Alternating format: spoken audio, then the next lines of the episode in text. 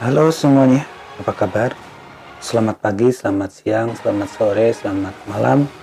Menjumpai kalian semuanya, saya Sono kembali hadir di mana lagi kalau bukan di podcast Bebas Bicara. Saya akan mem kembali membicarakan apa yang perlu dibicarakan dan kali ini saya akan ngomongin tentang membicarakan tentang detox, detox pikiran. Bentar ya, ini agak ribet.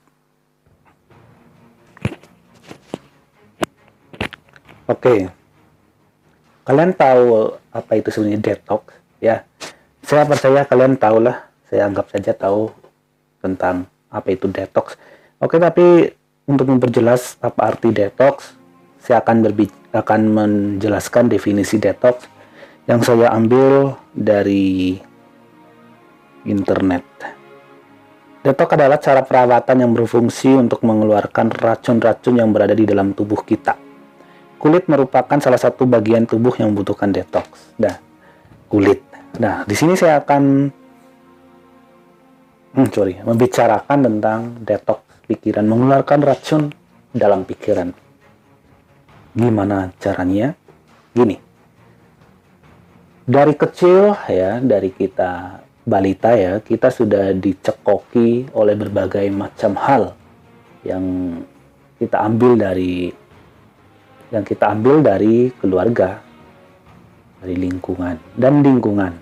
Dan semakin bertambahnya usia, berbagai hal yang kita lihat, yang kita dengar itu sudah bermacam-macam. Sehingga sampah-sampah itu menumpuk dalam pikiran kita. Karena ada penelitian, studi dari psikologis uh, men, apa namanya mengatakan menyimpulkan bahwa 88%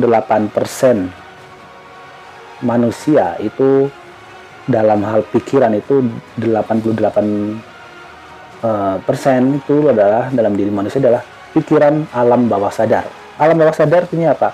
Adalah alam di mana hal-hal yang berkaitan seperti trauma, seperti pengalaman pengalaman-pengalaman yang tidak kita tidak bisa kita lupakan itu tersimpan dalam pikiran tanpa kita sadari yang sebenarnya sudah mengendap. Ya, kalau yang berpikiran sadar itu hanya 12%. Sadar itu seperti apa? Sadar ya seperti saat kita konsentrasi, saat kita berlogika, berargumen itu adalah pikiran-pikiran yang kita gunakan secara sadar. Kalau dalam bawah sadar seperti saat tadi saya bilang, saat kita nonton film, saat kita mendengarkan musik yang bagus, lalu kita hanyut, saat kita membaca, saat kita berdoa, itu yang kita gunakan sebenarnya alam bawah sadar di mana semua di mana pikiran-pikiran itu benar-benar khusyuk.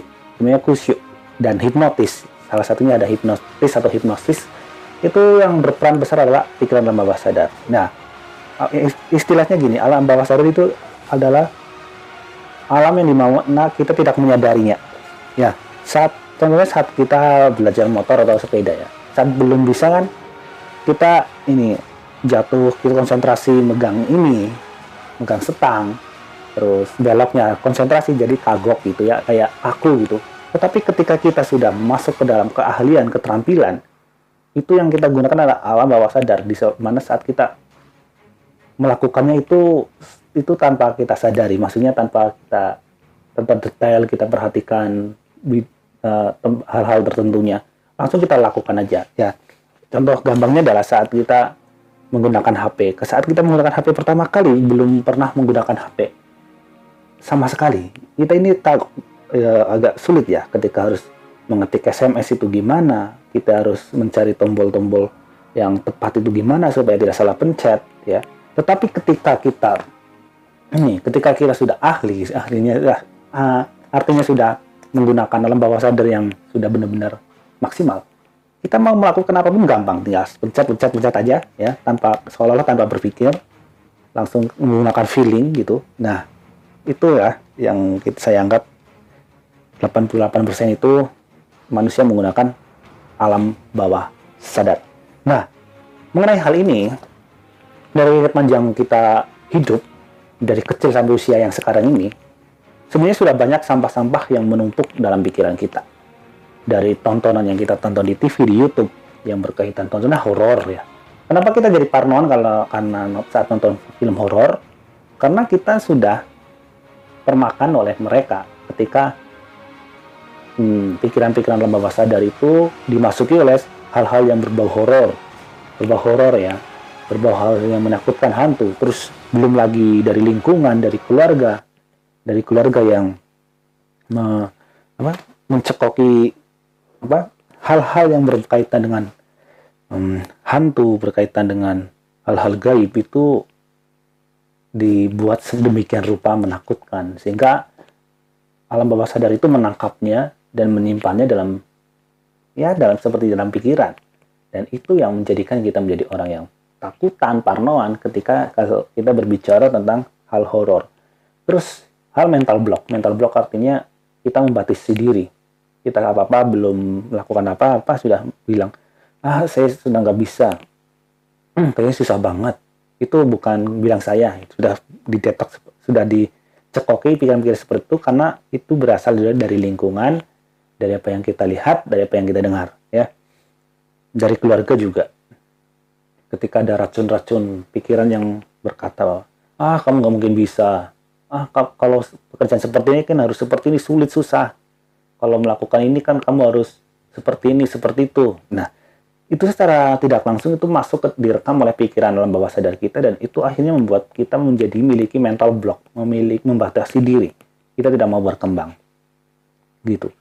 Jadi selama hidup kita ini kita sudah apa namanya? sudah dimasuki oleh berbagai hal sampah, sampah-sampah pikiran, terutama dari dari televisi. Dari televisi ketika terutama yang paling paling besar pengaruhnya dari televisi ya. Kalau dari zaman sekarang dari televisi dari internet. Dari apa yang kita tonton apa yang kita lihat dari yang kita dengar itulah yang masuk menjadi sampah-sampah dalam pikiran. Terutama informasi. Informasi-informasi yang kita pilih yang kita pilih ya. Yang kita pilih pilih baca yang kita lihat itu itu mempengaruhinya. Ketika ada informasi-informasi negatif yang sering kali yang sering kita konsumsi itu akan masuk ke alam bawah sadar kita dan itu mempengaruhi mood atau mood atau perasaan kita, mempengaruhi kehidupan kita. Misalnya kita setiap hari non, eh, mengakses informasi yang berkaitan dengan hal-hal kriminal, hal-hal yang negatif. Artinya akhirnya kita menjadi orang yang kekhawatiran, memiliki cemas yang berlebihan. Kita dalam melakukan apa-apa kayak takut terus karena kita sudah dicekoki informasi-informasi yang menakutkan, film-film kriminal, ya oke waspada itu bagus, namanya waspada itu harus, hati-hati itu harus.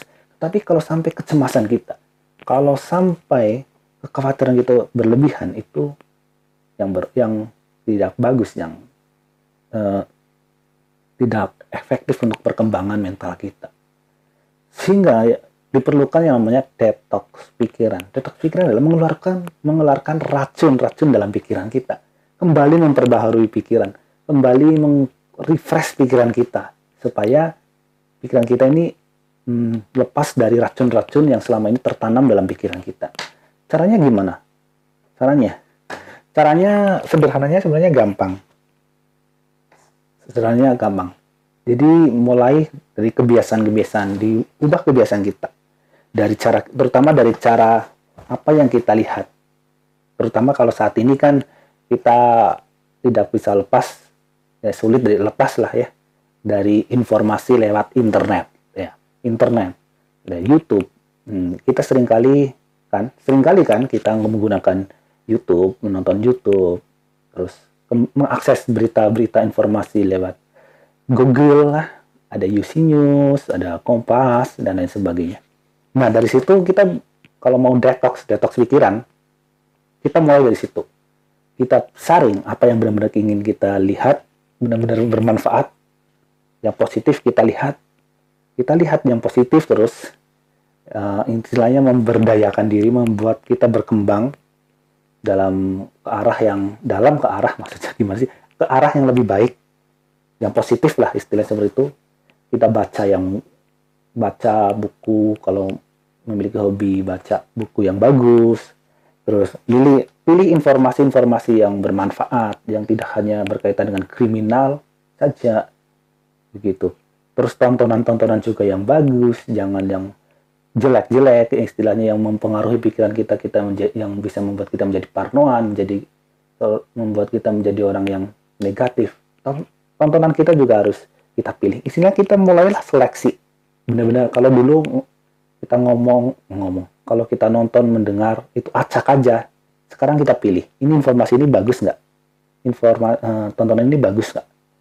Terus kita tonton isi pikiran kita tonton karena apa yang kita lihat apa yang kita dengar itu masuk dalam pikiran dari fresh terus terutama ini malam hari ya matahari itu kan gelombang istilahnya alfa ya. Pokoknya yang membuat pikiran alam bawah sadar kita terbuka lebar itu ketika malam hari. Malam hari ketika sekitar jam 22 malam menjelang tidur ya itu alam bawah sadar kita itu terbuka lebar. Nah dari situ kita bisa saat belum tidur sebelum tidur kita bisa berdoa oke? Okay?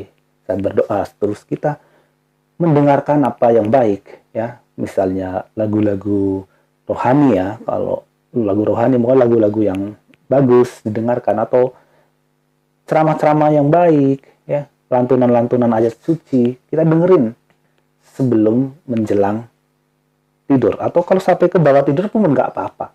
Di saat seperti itu alam bawah sadar kita kan terbuka. Nah yang masuk itu, yang mas kalau yang masuk itu benar-benar adalah yang positif, uh, dalam jangka yang panjang ya, dalam waktu yang panjang, jangka panjang, itu membuat pikiran kita ini disisipi terus-menerus oleh hal-hal yang positif. Ketika sesuatu pikiran terus dicekoki pikiran positif, pikiran-pikiran ini akan mulai fresh, akan mulai uh, apa ya? Karena alam bawah sadar kita yang berupa sampah itu diperbarui, ditam, dimasukkan lagi dengan hal-hal yang baik, hal-hal yang positif. Sampah-sampah itu terus, misalnya sampah, sampah diguyur, air bersih terus menerus lama-lama hilang, hilang, hilang dan akhirnya menjadi bersih. Nah seperti itu. Jadi detox, detox pikiran seperti itu. Jadi mulai dari kebiasaan, kebiasaan baik yang kita bangun, terutama dalam hal konsumsi pikiran. Konsumsi pikiran itu ya seperti yang saya bilang tadi, konsumsi pikiran adalah dari apa yang kita lihat, apa yang kita dengar, ya. Dari apa yang kita dengar, apa yang kita lihat, itulah yang menjadi konsumsi pikiran kita, ya. Jadi niatkan mulai dari jadi untuk mendetoks pikiran itu niatkan diri dari niatkan diri menseleksi apa yang mau kita tonton, apa yang mau kita baca, apa yang mau kita ketahui lewat informasi. Seleksi. Nah, ya. Dan yang seperti saya ya saya ulang lagi yang kalau malam ya, kalau malam di waktu malam-malam di mana alam bawah sadar kita itu terbuka lebar untuk dimasuki sesuatu, masukkan sesuatu itu hal yang positif.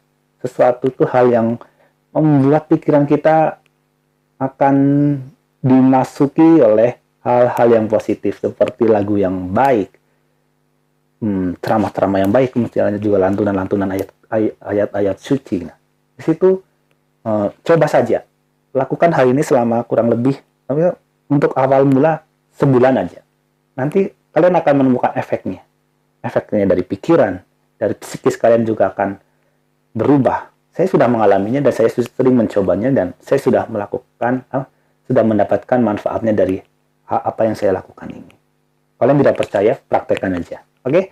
Ini aja yang saya sampaikan pada episode kali ini di podcast Bebas Bicara yang berbicara tentang detox pikiran. Jadi mengeluarkan racun-racun sampah-sampah dalam pikiran ya. Caranya seperti yang saya sebutkan tadi, semoga kalian paham ya. Oh ya, kalian yang menonton video ini lewat YouTube, jangan lupa subscribe channel ini ya.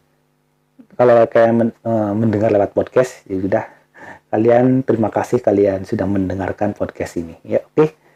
Kalian yang sekali lagi kalian yang mendengar di YouTube menonton di YouTube ya jangan lupa subscribe like dan komen ya. Saya akan membuat video-video yang uh, beda lagi di channel ini di YouTube ini dengan pembahasan-pembahasan yang saya usahakan terbaik sesuai yang saya anggap perlu disampaikan saya sampaikan tapi saya usahakan apa yang saya sampaikan di channel ini, di podcast ini adalah sesuatu yang paling tidak bermanfaat untuk kalian. Kalau tidak menghibur, paling tidak kalian bisa mengambil sesuatu yang baru dari apa yang saya sampaikan. Oke, terima kasih.